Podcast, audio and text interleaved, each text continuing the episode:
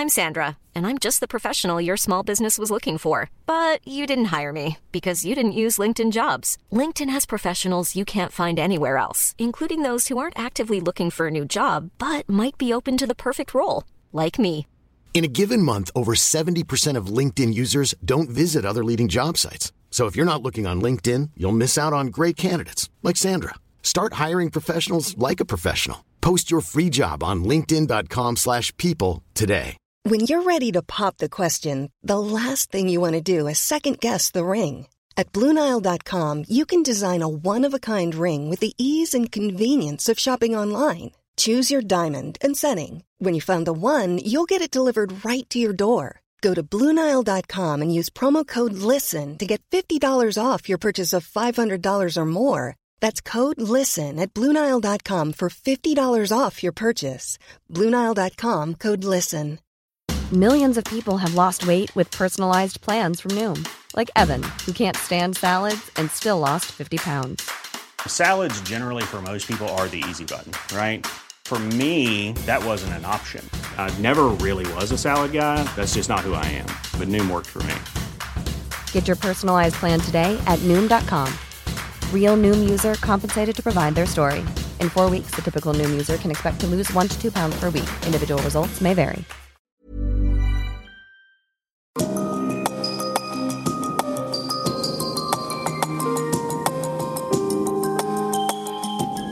Du lytter til podkast fra Oslo Militære Samfunn.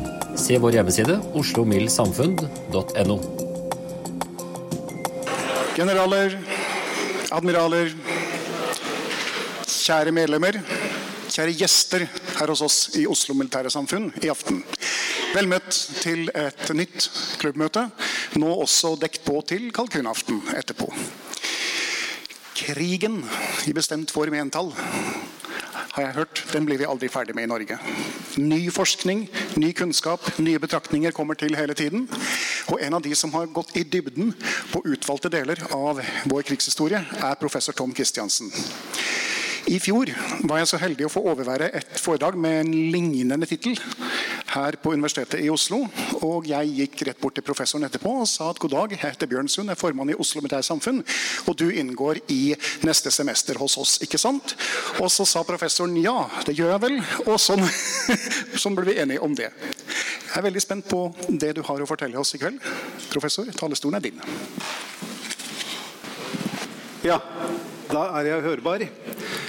Mine damer og herrer, først en hjertelig takk til eh, OMS for invitasjonen.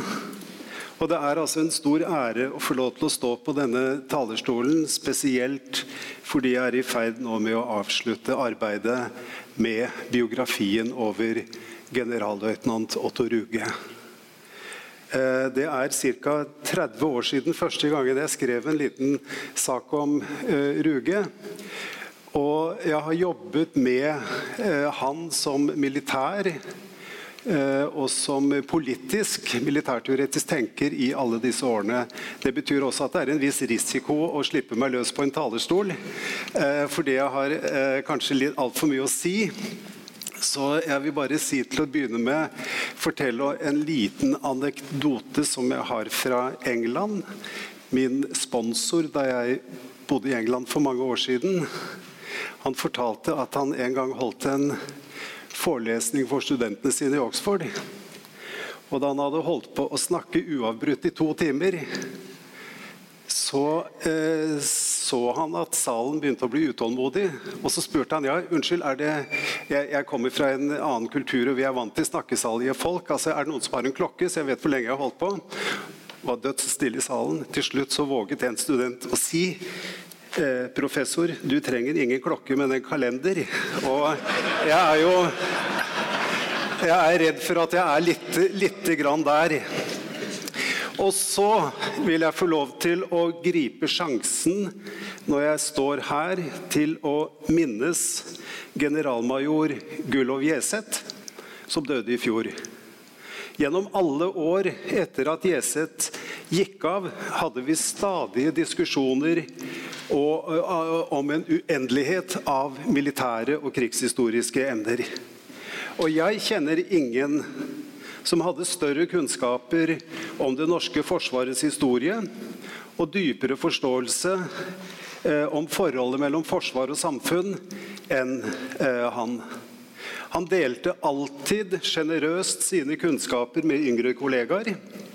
Han hadde en unik evne til balanserte, nyanserte og sindige analyser. Og det var et privilegium å få lov til å samarbeide med Gullov. Og jeg skulle gjerne hatt han eh, i nærheten nå som jeg er i avslutningsfasen av dette arbeidet om Otto Ruge.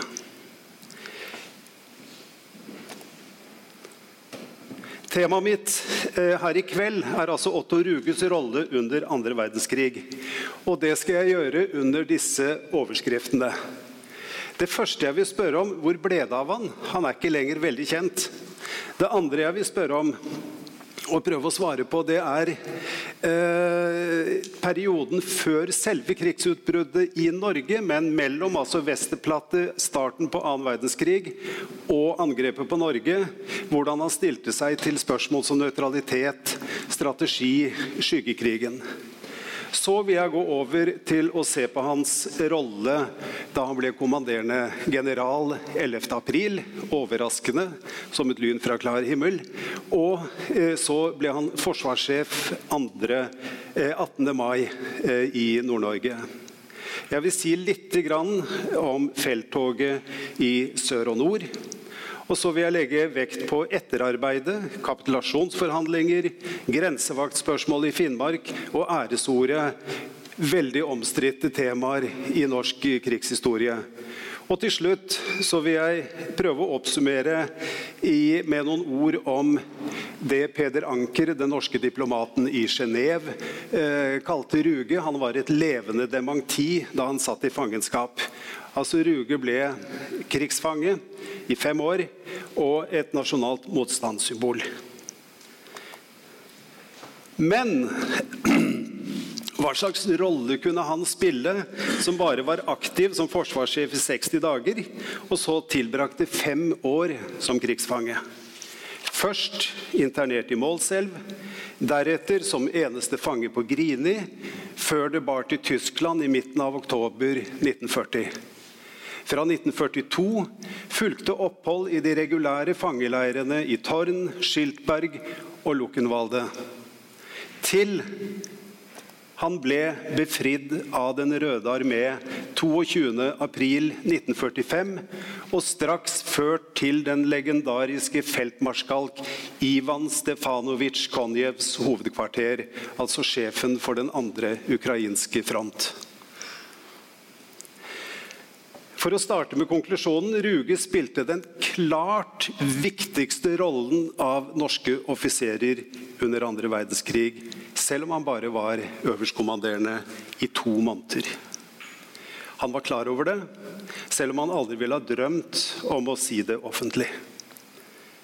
Men i et avskjedsbrev til Trygve Lie et par dager før kongen og regjeringen reiste i eksil, sier han rett ut, og jeg siterer Hadde det ikke vært for dem i regjeringen og meg i hæren, hadde landet for lengst gitt seg. Knapt noen ville ha hevet øyenbrynene av å høre dette i årene fra 1940 og til langt utpå skal vi si 1980-tallet. I mange år var det bare kongen som nøt større anseelse både i offentligheten og hos myndighetene. Da Ruge gikk av som forsvarssjef 1.1.1946, skrev Mannskapsavisa en ærbødig avskjedshilsen som vitner om akkurat dette.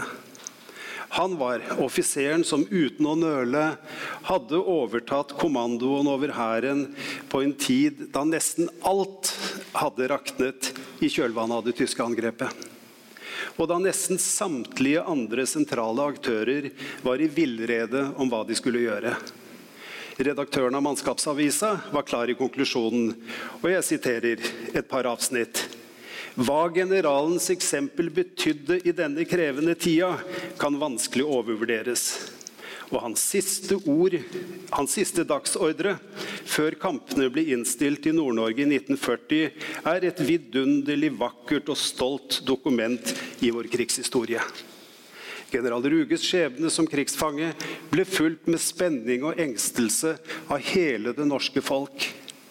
Det var med stolthet og takknemlighet en mottok meldingene om hans ranke holdning og udrepelige tro på vår seier. Han representerte den norske folkesjelen der han satt. Derfor var også begeistringen under gjensynet med ham så grenseløst stor. Nå og i all framtid skal norsk ungdom minnes hans ord i dagsordren den historiske dagen. Og vi skal huske hva de forplikter til. Jeg liker ikke å se mitt land med lus på kroppen. Eh, sitat slutt.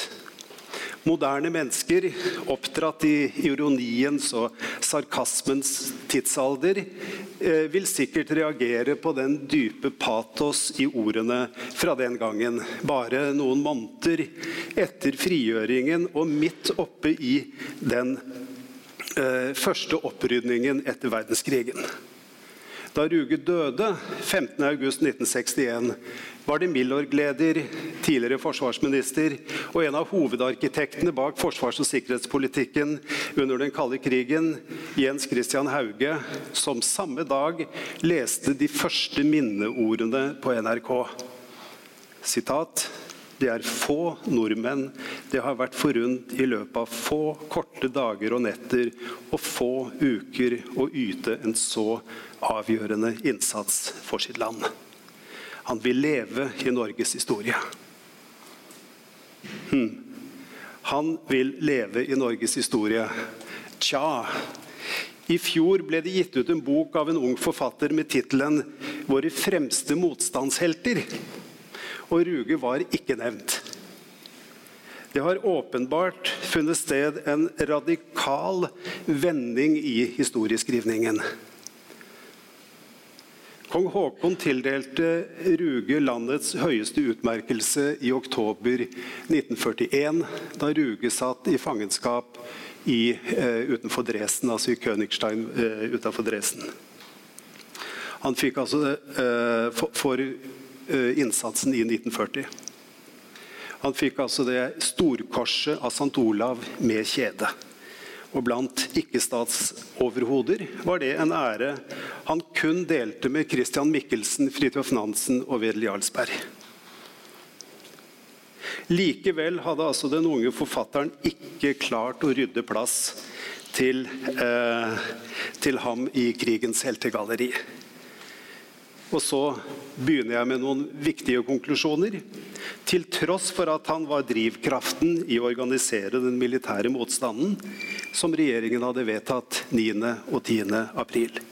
Til tross for at han fra fremste linje de tre første ukene ledet operasjonene som berget kongen, regjeringen, gullbeholdningen. Til tross for at han hadde så vide fullmakter at statsminister Nygaardsvold i dagboken sin fortalte at regjeringen betraktet seg som militærets tjenere under felttoget. Til tross for at han var den avgjørende kraft i å forberede myndighetene på fortsatt krig i eksil. Og til tross for at han var den som mot alle odds klarte å etablere et samarbeid med de allierte hjelpestyrkene. Og endelig, til tross for at han var den som ga ordre til et par betrodde offiserer da han satt på Grini, om å være forberedt på å organisere en motstandsbevegelse. Hva hadde skjedd med historieskrivningen? Vi har sett noen tilløp til en svertekampanje, men det er knapt uh, hovedårsaken til at Ruge får liten oppmerksomhet. Grunnen er sannsynligvis den samme som vi finner i en lang rekke land. For det første så ble interessen for de som traff beslutninger på øverste politiske og militære nivå, stadig mindre. Dette var gjerne den eldste generasjon aktører som naturligvis gikk først bort, og som først utga bøker om hendelsene, sine, om hendelsene de hadde vært med i. De som fikk stadig større oppmerksomhet, var operatørene lenger ned i beslutningshierarkiet. Det er lett å forstå at de fleste eh, er mer fascinert av SOE-operasjoner, de norske flygerne i Royal Air Force, norsk deltakelse under slaget om Atlanterhavet og hjemmefrontens aktiviteter, enn strategiske prioriteringer til regjeringen og militære staber. For det andre var tidsånden de første årene preget av opptattheten av de store spørsmålene. Hvorfor kom krigen? Stormaktenes Skandinavia-politikk? Utviklingen av Forsvaret fram mot 1940? Og hva felttoget resulterte i? Også rollen til den norske ute, utefronten, altså handelsflåten og de militære styrkene under militærkommando. Enkelthendelser og enkeltmennesker hadde en beskjeden plass i de tidligste framstillingene. Og for det tredje fant det sted en klar flytting av oppmerksomheten i historieskrivningen bort fra felttoget i 1940 og til hjemmefrontens og utefrontens eh, virksomhet og til okkupasjonsregimet i Norge. Ruge viser til disse forholdene i forordet til den første store boka om Norges krig for det brede publikum, med tittelen 'Vi vil oss et land' fra 1946. Ruges forord sto side om side med et tilsvarende fra Einar Gerhardsen. Uh, og han forteller, Ruge forteller at han hadde merket seg at slitet, ofrene og påkjenningene fra felttoget hadde bleknet under inntrykk av hendelsene senere i krigen. Han skriver menn med ferskere laurbær har også lett for å glemme de anonyme tusener som den gang tok opp striden for vår frihet. I sin uferdighet og uøvethet, med sine feil og feilgrep, var det allikevel disse nå halvt glemte, ukjente soldater av 1940 som viste veien og la det moralske grunnlaget for Norges fortsatte strid i de følgende år.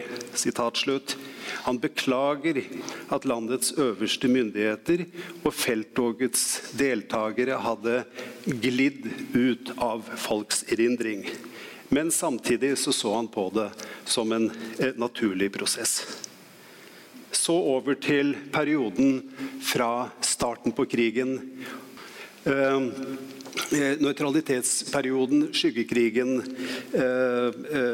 da Norge var nøytralt.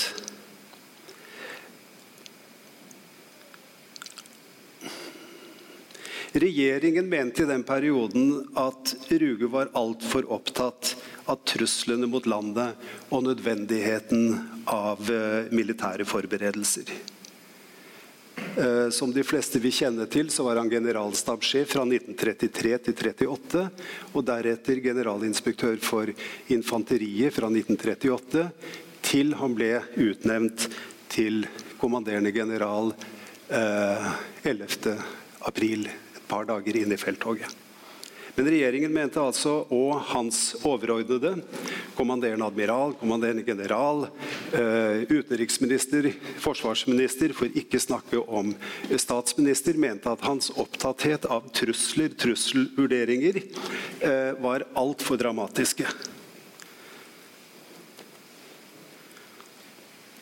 Eh, alle sammen mente at han i altfor stor grad så bort fra at norsk sikkerhet var garantert gjennom uformelle kontakter med britene, og at de britiske egeninteresser ville sørge for norsk selvstendighet. Det var ikke noe vi trengte å ta så veldig alvorlig selv. Vi skulle vokte nøytraliteten.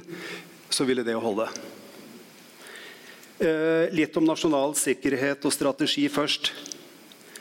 Eh, Ruge utviklet et syn på norsk eh, nasjonal sikkerhet som avvek, som jeg nevnte, fra hans eh, sjefer.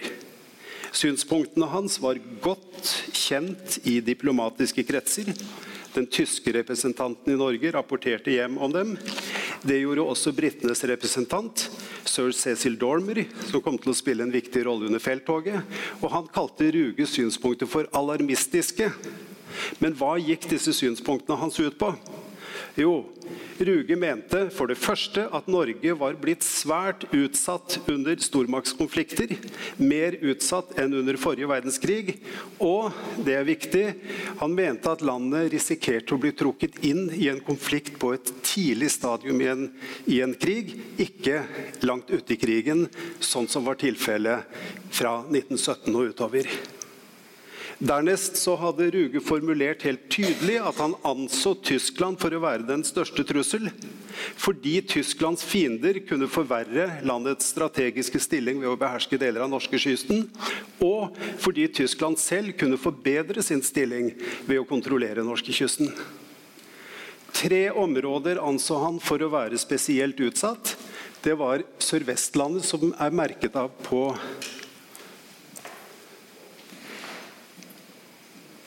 på kartet. Og det var Ofoten, og det var øh, øh, Øst-Finnmark.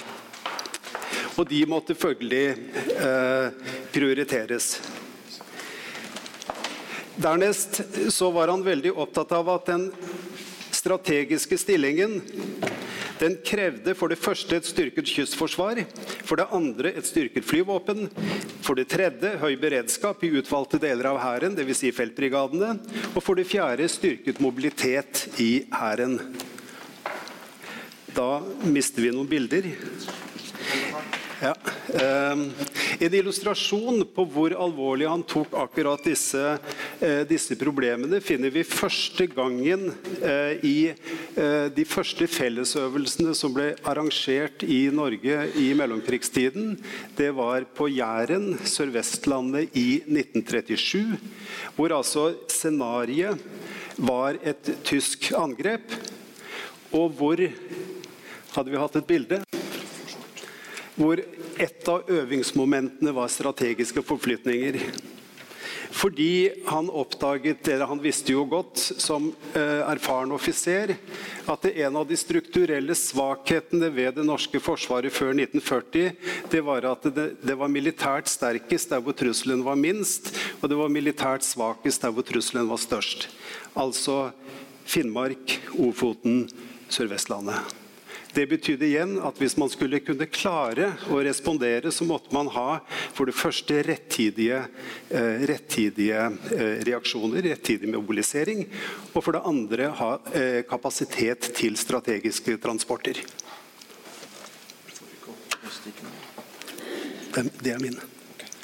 Uh, og dette med rettidig uh, mobilisering og rettidig uh, beredskapstiltak, det så vi faktisk utspille seg under Tsjekkoslovakia-krisen i 1938. Da var general Låke sykemeldt og Ruge fungerte. Han var da generalstabssjef. Han iverksatte på egen hånd en full mobilisering av styrker på Sør-Vestlandet i eh, Låkes nærvær, fordi han mente sånn eh, krisen var under utvikling. Så måtte man heve beredskapsnivået eh, i den landsdelen, spesielt etter at Sola flyplass var, eh, var åpnet året i forveien. Det hører også med til historien at da Låke kom tilbake fra sykefraværet, så ble tiltakene straks eh, opphevet. Kort sagt, Ruge var fra midten av 1930-årene overbevist om at Norge hadde havnet i ildlinjen under en kommende stormaktskonflikt. De avgjørende faktorene for dette det var geografi og ressurser. Og Den norske forsvarsordningen mente han, var ikke egnet til å sikre de nasjonale sikkerhetsbehovene slik han forsto dem utover i 1930-årene. Ja. Det hører jo også med til historien da, at man øvde på eh, transport av stridsvogner fra Østlandet og til, eh, til Sør-Vestlandet.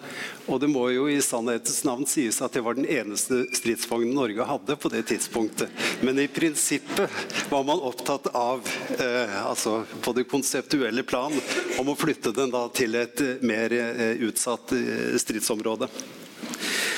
Eh, da kommer jeg til altså, utnevnelsen, angrepet på Norge 9.4 og utnevnelsen av Ruge. Hans respons på det tyske angrepet 9.4 framsto som en motpol til kommanderende general og generalstaben. Eh, på det hold så skjønte de tidlig at hæren ikke kunne motstå en tysk offensiv.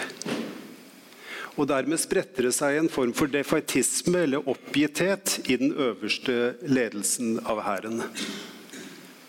Etter deres mening var motstand nytteløst militært sett. Det var i hvert fall slik regjeringen oppfattet hærledelsens holdning. Kanskje ikke helt presis, men allikevel.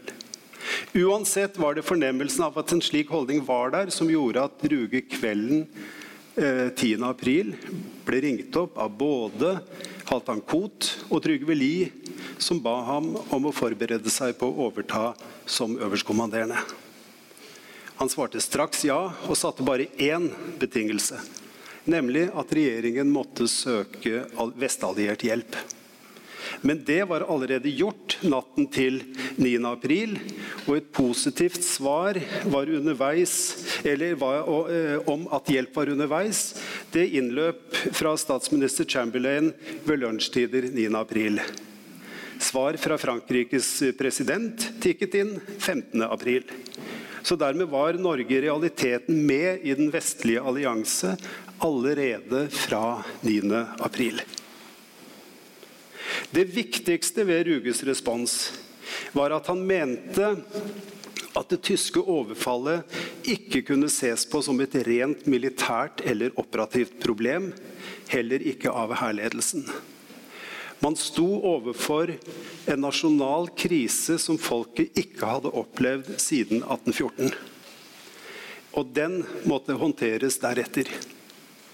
Som første norske offiser skulle Ruge lede militærmakten gjennom en krise med uoverskuelige historiske og politiske implikasjoner.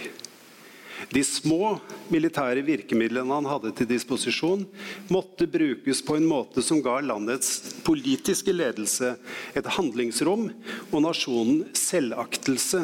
Det var hans eget begrep. Seier i militær forstand var ikke det vesentlige, men å holde statsmaktene og hæren intakt inntil alliert hjelp kom til landet. Ruge tenkte på Wilhelm av Oranjens ord i den situasjonen. Jeg behøver ikke å håpe for å handle eller å lykkes for å holde ut. Det unike i situasjonen kom tydelig til uttrykk da han holdt en kort appell til, eh, til mannskapene før de avmarsjerte til Midtskogen. Altså før han hadde overtatt som kommanderende general. Og jeg siterer Dette var slik Olav Helseth husket eh, hvordan ordene falt. Saken er i all sin enkelhet at vårt kongehus og vår regjering nå er kommet til Elverum. En tysk avdeling er på marsj for å ta dem til fange. Deres oppgave, mine herrer, er å sørge for at dette ikke skjer. Norges skjebne gjennom mange år vil avhenge av hvordan dere løser dette oppdraget. Og han holdt fast på denne forståelsen gjennom hele felttoget i de fem årene, og i de fem årene han satt i fangenskap.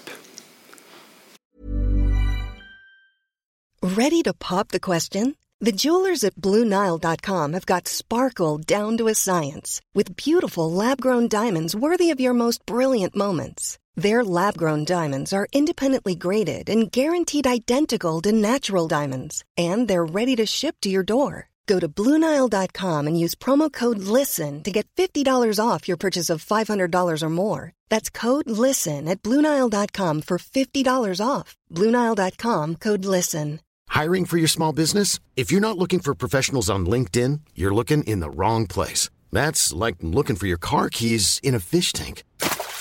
LinkedIn helps you hire professionals you can't find anywhere else, even those who aren't actively searching for a new job but might be open to the perfect role. In a given month, over 70% of LinkedIn users don't even visit other leading job sites. So start looking in the right place. With LinkedIn, you can hire professionals like a professional. Post your free job on linkedin.com slash people today. Så til Ruges ledelse av felttoget. Ruges felttog i sør var ikke bare en kamp mot en overmektig fiende, men også mot tiden, mot føreforholdene, mot brysomme allierte, mot nederlagsstemte offiserer. I den kaotiske militære situasjonen så han med egne øyne hvordan de fredelige traktene han hadde tilbrakt deler av oppveksten i, ble bombet, brent og blåst i lufta, mens landsmenn og allierte ble drept og lemlestet. Likevel var det en kamp han gikk inn i med fast overbevisning. Nesten uten søvn og hvile, i løpende kontakt med statsråder, norske og allierte offiserer, soldater, sivile og sin egen stab, var han under et overveldende press i de tre ukene felttoget i sør varte. Kampen ble ført med ryggen mot veggen. De oppløftende meldingene var sparsomme, de nedslående sto i kø. Mye av den allierte hjelpen som Ruge satte sin lit til, var elendig forberedt og utført. Det var aldri tid til å tenke seg om eller vente med avgjørelser. Det var aldri presis informasjon tilgjengelig. Det var aldri klare kommandolinjer. Det var aldri mulig å unngå improvisasjoner. For Ruge var dette den første personlige erfaringen med det han gjennom mange års studier visste om handlingsvilkårene under krig. Sjefene var alltid snublende nær en fatal feilvurdering eller i å ta feil retning i et veikryss.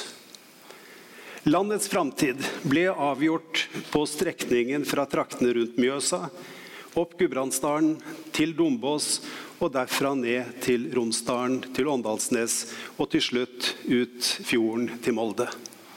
Denne skjebneveien i april målte ikke mer enn rundt 31 mil av det over 2000 km lange Norge. Langs skjebneveien var Ruge i hvileløs aktivitet døgnet rundt. Her ser vi han i Gudbrandsdalen i 1940. Det står det mangler en B der, professor. Å ja. Fy da. det skal rettes opp til neste gang.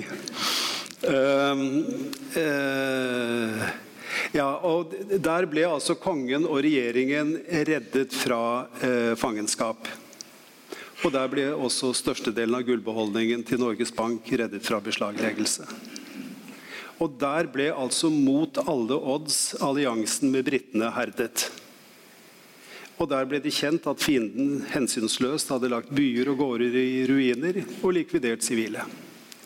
Og Der ble også eksilregjeringens inntektsgrunnlag sikret gjennom opprettelsen av det statlige rederiet Nortraship. Ruge var på Øyer til han flyttet hovedkvarteret til Hole gård ved Lesja. Så bar det videre til Batnfjordsøra, mindre enn fire mil nord for Molde. Og Situasjonen var så kaotisk at han ikke engang fikk anledning til å skifte ut sine oberstdistinksjoner med generalsdistinksjoner før han kom til eh, Nord-Norge. Sør-Norge var Ruges hovedarena som feltoffiser og øverstkommanderende. Og Der sto han fra starten av overfor et nærmest uoverkommelig problem, som han oppsummerte i ettertid. Og Jeg siterer hva han sier. Faktisk var Norges rike natten til 9. april falt fra hinanden i en rekke isolerte distrikter hvor de lokale og militære myndigheter var henvist til å handle på egen hånd uten direktiver fra den sentralledelse som nettopp nå trengte så hardt overfor et desorientert og nesten bedøvet folk, og i en situasjon som krevde øyeblikkelig handling og de mest vidtrekkende beslutninger. Sitat slutt. Så langt evnene og kreftene rakk, var det hans oppgave å samle, inspirere og lede den motstandskampen som regjeringen hadde bestemt. Derfor opererte Ruge først og fremst på strategisk nivå. Det innebar at han i liten grad befattet seg med taktiske disposisjoner, men måtte konsentrere seg om forholdet til regjeringen, forholdet til de allierte og til sine underordnede militære sjefer. Kampene i sør hadde sin spesielle karakter, helt forskjellig fra den som fant sted i nord. Selv om kampene bare varte i tre uker, var resultatet bestemmende for resten av felttoget og krigen. Ruge så krigen i sør som en vekselvirkning mellom den tyske offensiv det er hans sitat, den tyske offensiv, de alliertes hjelp og vårt eget forsøk på å holde tyskerne inntil denne hjelp kunne bli effektiv. Slik Ruge så det, var de norske målsettingene ganske enkle. I første omgang var det presserende å beskytte kongen og regjeringen og holde så mye som mulig av hæren intakt i felt, i påvente av alliert hjelp og mens mobiliseringen haltet av sted. Han ville spare hæren for store påkjenninger fordi han så det som viktig av politiske og symbolske grunner at en kunne delta side om side med allierte tropper etter hvert som de ble satt inn. Uh, bare da ville man kunne unngå at Norge framsto som hjelpeløst, og at felttoget ble et britisk-fransk foretak med nordmennene som rekvirenter og tilskuere. Som han fortalte til journalister på en pressekonferanse i starten av felttoget. Vi slåss så langt og så lenge vi kan uten å sette Hærens kampkraft på spill. Eh, I parentes bemerket, Dette var jo mye av det han ble kritisert for i ettertid. At han trakk seg for fort ut av trefningene. Men begrunnelsen hans er det som jeg har eh, lest opp her. Eh, i sør hadde Ruge direkte kommando på en helt annen måte enn i nord, hvor han hadde liten befatning med selve operasjonene. Han hadde gjennom hele karrieren vært levende og opptatt av alle sider ved offisersyrket, fra skytetjeneste, feltliv, stabsarbeid og planlegging til strategi eh, og samvirke med sivile myndigheter. Men noe han trolig aldri hadde tenkt på, var rollen som juniorpartner i en allianse med stormakter preget av arroganse i giftig blanding med eh, uvitenhet om småstatenes militære system. Og nettopp forholdet til de allierte skulle bli den største utfordringen fra starten til slutten på felttoget.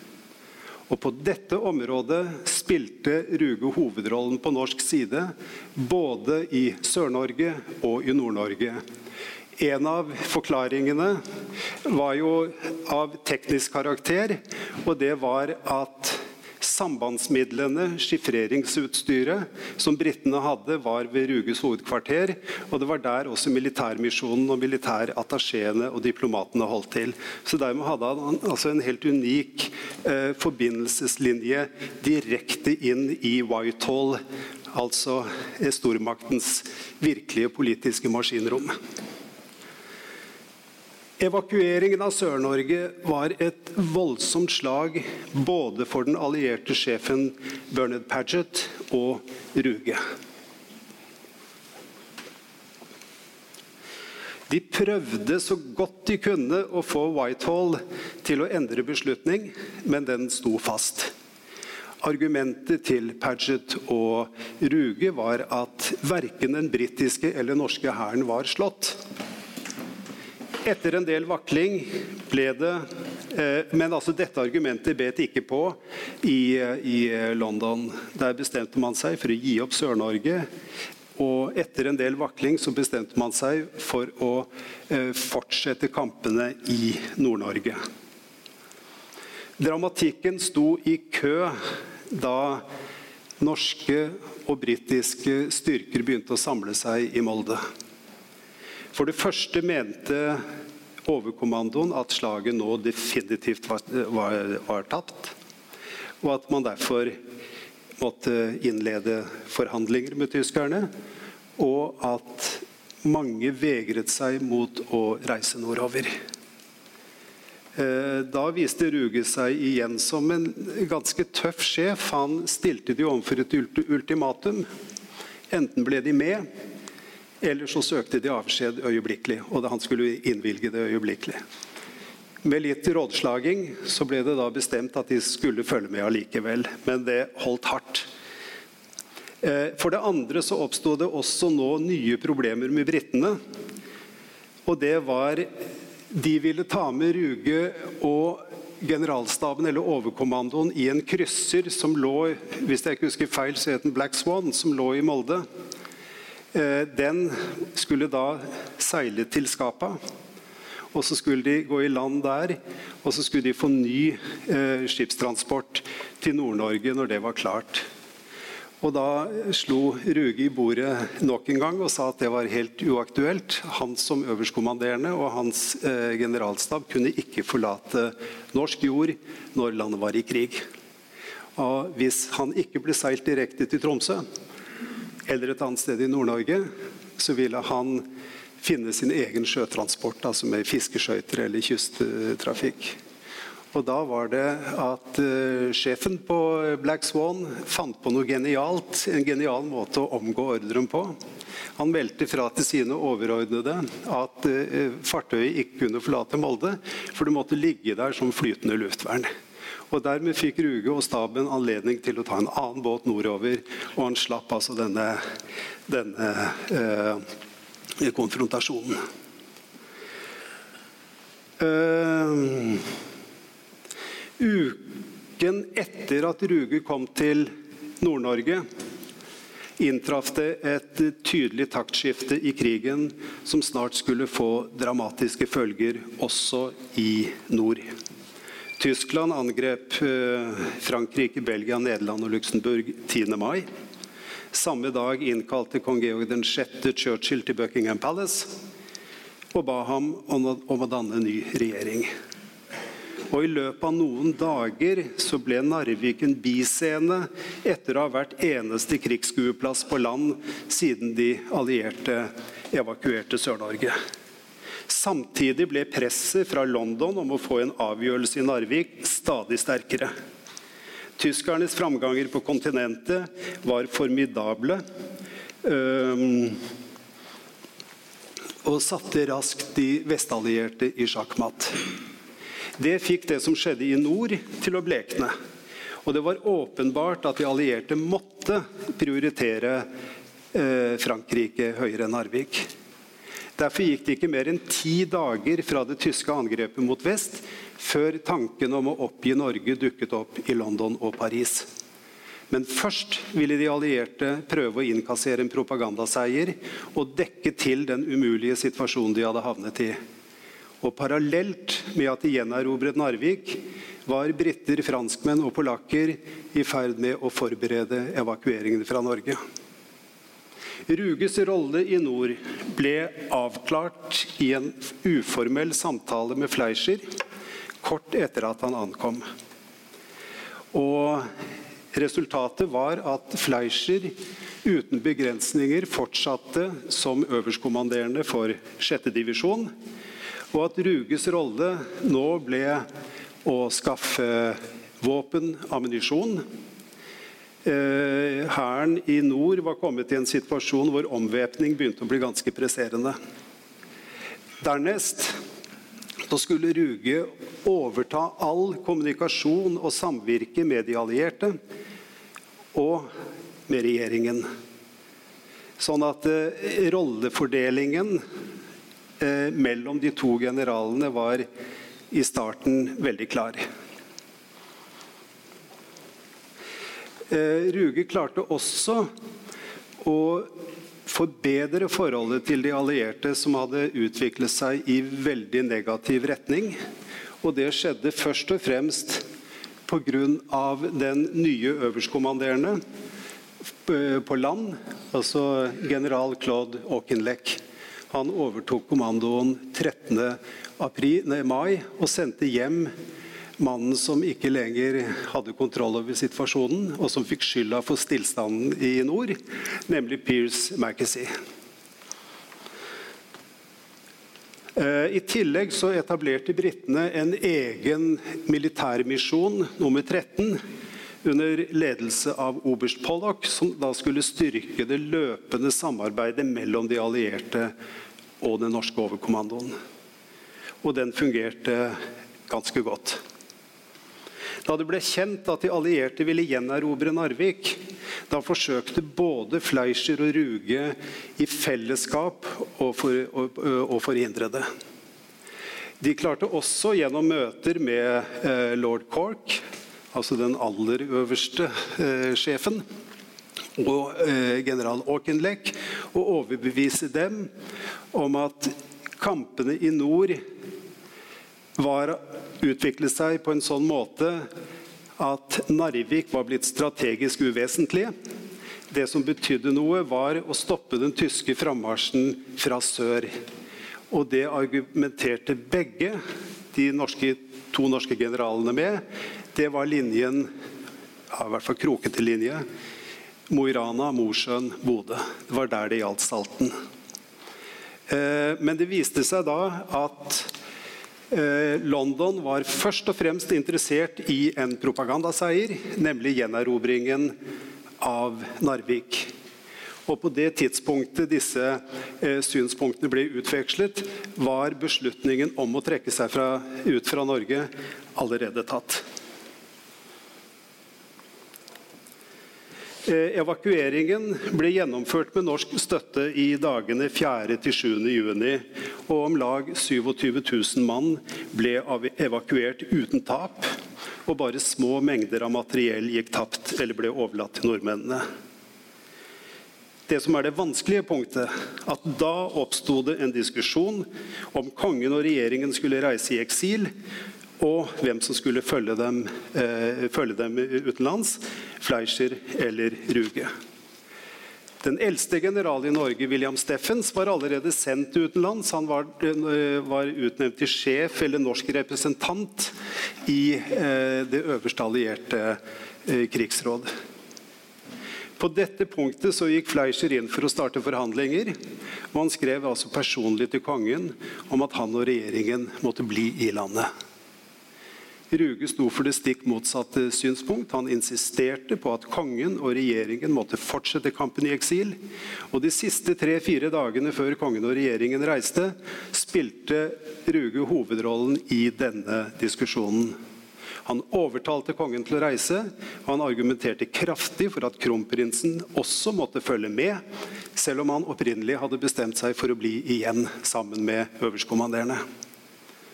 Eh, det ble utstedt eh, proklamasjoner om at krigen fortsatte i eksil.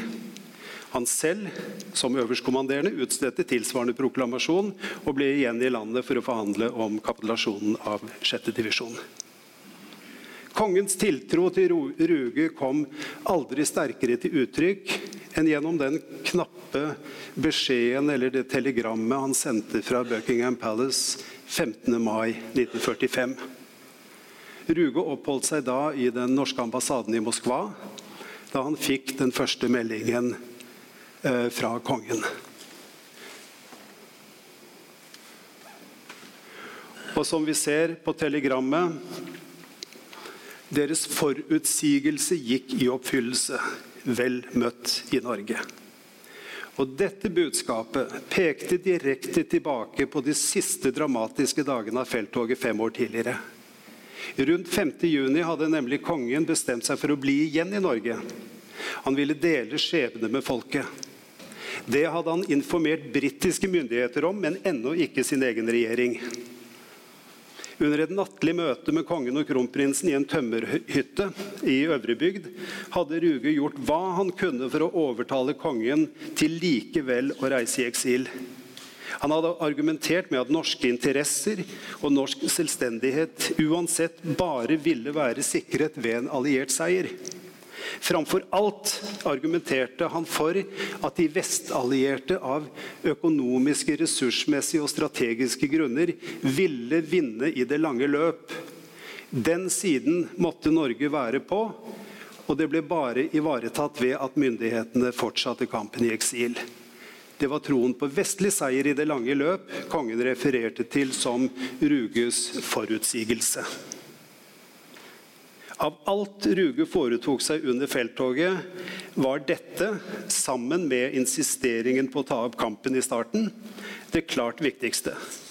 Det var noe kongen, kronprinsen og regjeringen aldri glemte.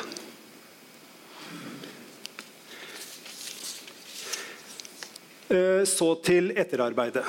Kampene var over 10.6. Og Like viktig som ledelsen av felttoget var Ruges håndtering av et sett vanskelige spørsmål i kjølvannet av krigshandlingene. For det første var det kapitulasjonsavtalen, deretter var det æresordet, og til slutt var det spørsmål om grensevakt i Øst-Finnmark. Selve demobiliseringen av 6. divisjon var avsluttet i god tid før forhandlingene med tyskerne. Ruge og Forsvarets overkommando ble internert i Målselv da kapitulasjonsavtalen var undertegnet 10.6. Og Ruge hadde på instruks fra kongen og regjeringen forhandlet fram en avtale om, eh, gjennom utsendingene Harald Vrede Holm eh, på Bjørnfjell og Rangvald Rosje Nilsen i Trondheim. Ordrene til Ruge gikk ut på å få i stand en avtale så snart som mulig eh, for å unngå flere ødeleggelser av landet.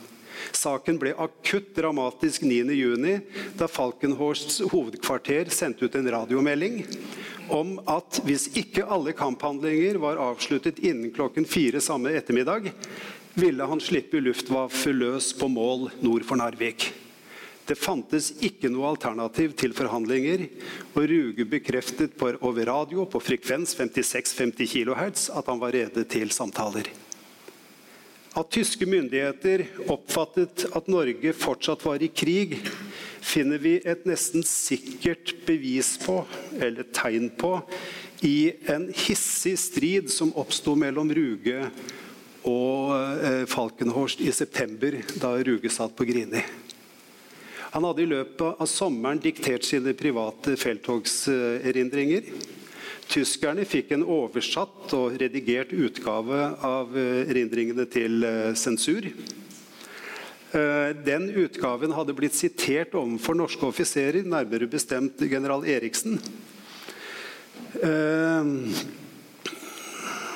Og Ruge skrev direkte til Falkenhorst med en anklage om at han oppfattet dette som et tillitsbrudd og i strid med tysk offisers ære. Svaret fra Falkenhorst var uforsonlig. Han avviste Ruges synspunkt ved å henvise til Genévekonvensjonen, hvor det bl.a. het at militære dokumenter ikke var omfattet av de effektene krigsfanger hadde full disposisjonsrett over. Han viste til at det ikke fantes noen avtale mellom Ruge og tyskerne som påvirket denne, øh, denne øh, bestemmelsen.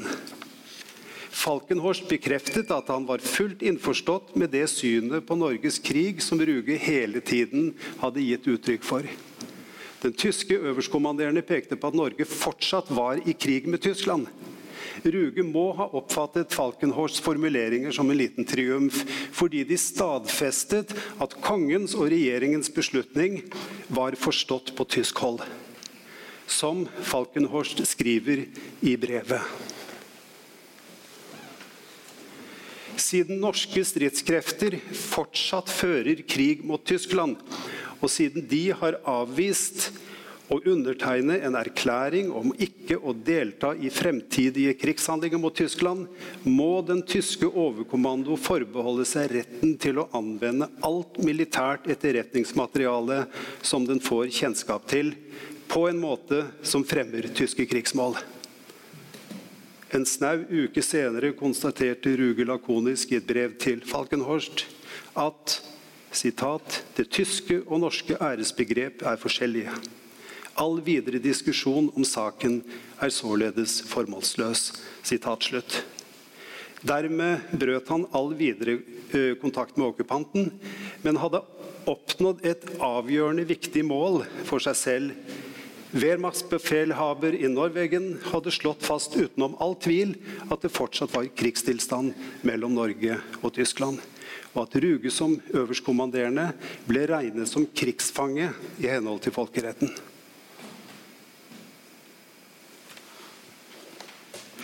Falkenhorst refererte til som vi hørte, at Ruge hadde nektet å undertegne æresordet, som det den gangen fantes en lang tradisjon for. Dette er også en sak som det har vært stor eh, debatt om, og hvor det har vært sagt mye merkelig.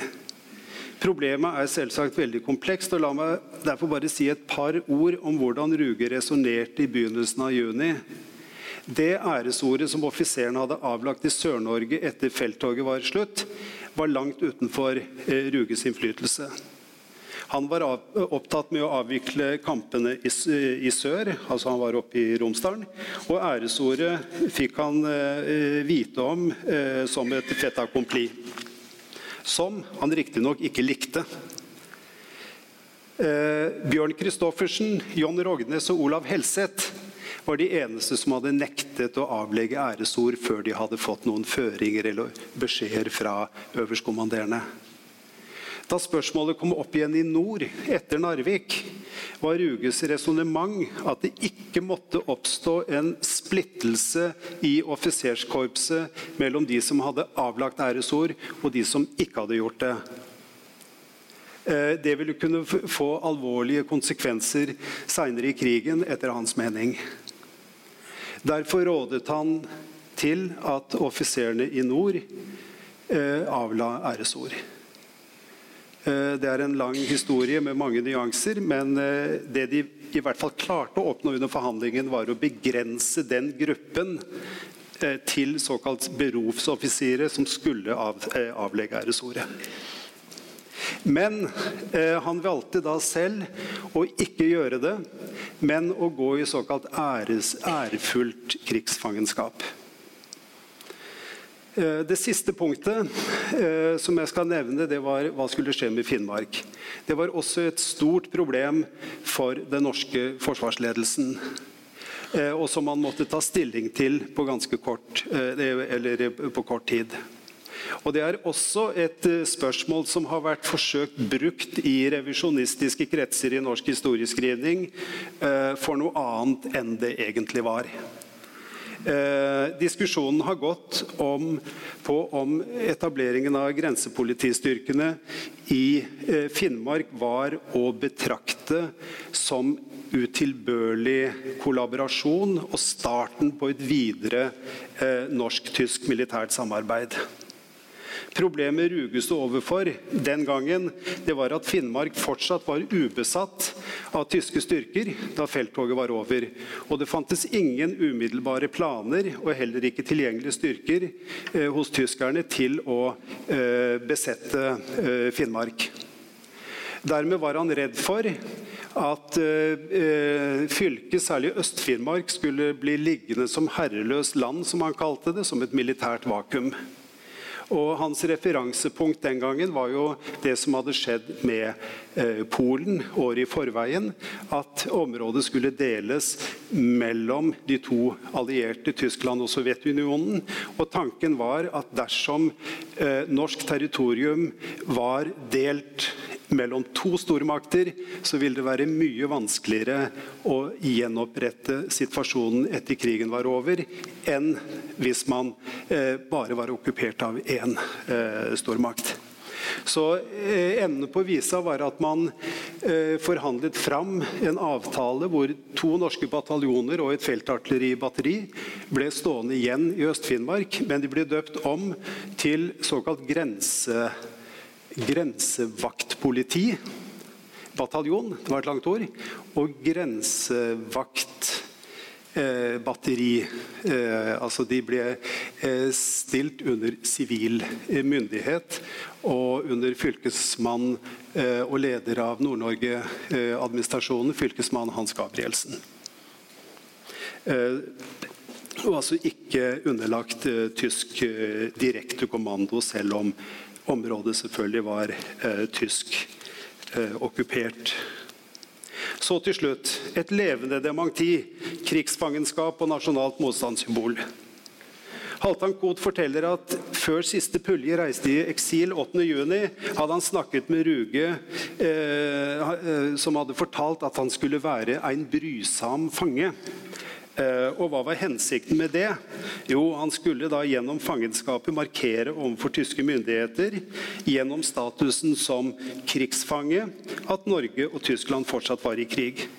Og Hvis noen hevdet det motsatte, eh, at landene ikke lenger var i krig etter eh, kapitulasjonsavtalen, så skulle man da, for å låne ordene til diplomaten i Genéve, Peder Anker, så skulle Ruge være et levende dementi på sånne påstander. I 1940 så måtte Ruge ta på seg en rolle som til da var helt ukjent for ham. Og nærmest som eh, Churchill eh, gjorde i England, så måtte også han, som det heter, mobilisere det norske språk og sende det i kamp. Det gjorde han gjennom kommunikeer, pressemeldinger, taler og intervjuer. Ord som 'jeg har sett at dette folket ikke vil dø', og som vi har hørt 'jeg liker ikke å se mitt land eh, med lus på kroppen', ble raskt en del av det kollektive minnet om krigen og okkupasjonen. Eh, det første og mest talende eksempel på hvordan Ruge ble en uløselig del av den nasjonale minnekulturen, finner vi bare tre uker etter hjemkomsten eh, i 1945. Da ba lærebokforfatteren Ivar Alnes om at en av Ruges tekster fra krigen skulle inkluderes i en revidert utgave av hans lesebok for realskolen og gymnaset, som skulle utvides med en ny bolk under tittelen 'Hvis et folk skal leve'. Den hadde åpenbart til hensikt å få elever på realskole og gymnas til å reflektere over krigsårene. Ruges bidrag var hans kjente og ofte siterte intervju fra NTB 11. mai 1940, der han gir en følelsesladet oppsummering av, erfaring, av erfaringene sine fra felttoget i Sør-Norge. Han legger stor vekt på at striden ikke bare var militær, men også drevet fram av styrken, viljen og troen til mange sivile, kvinner og menn, unge og gamle, som strømmet til. Nettopp deres innsats får han til å konkludere med at 'dette folket vil ikke dø'.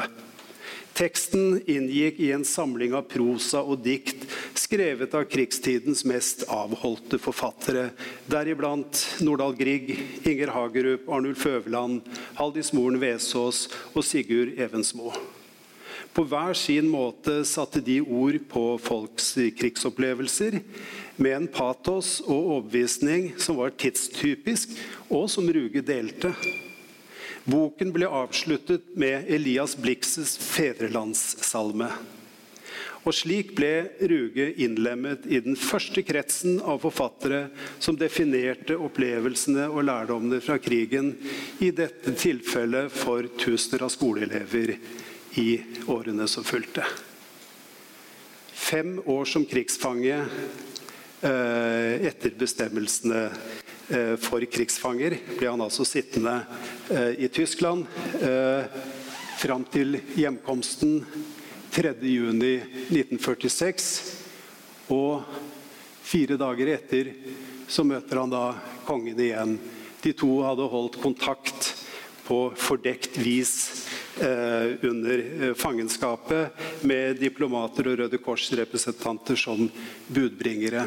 Eh, jeg kan jo si helt til slutt at kongen undertegnet alltid sine brev og ble tiltalt med lett skjulte navn. Han ble kalt for onkel Carl. Han ble kalt for familiens eldste i dette tilfellet. Og en vanlig betegnelse var bestefar til Lille-Harald. Og det, på den måten så slapp altså meldingene gjennom den tyske sensuren gjennom nesten fem år. Eh, det var alt. Takk for oppmerksomheten.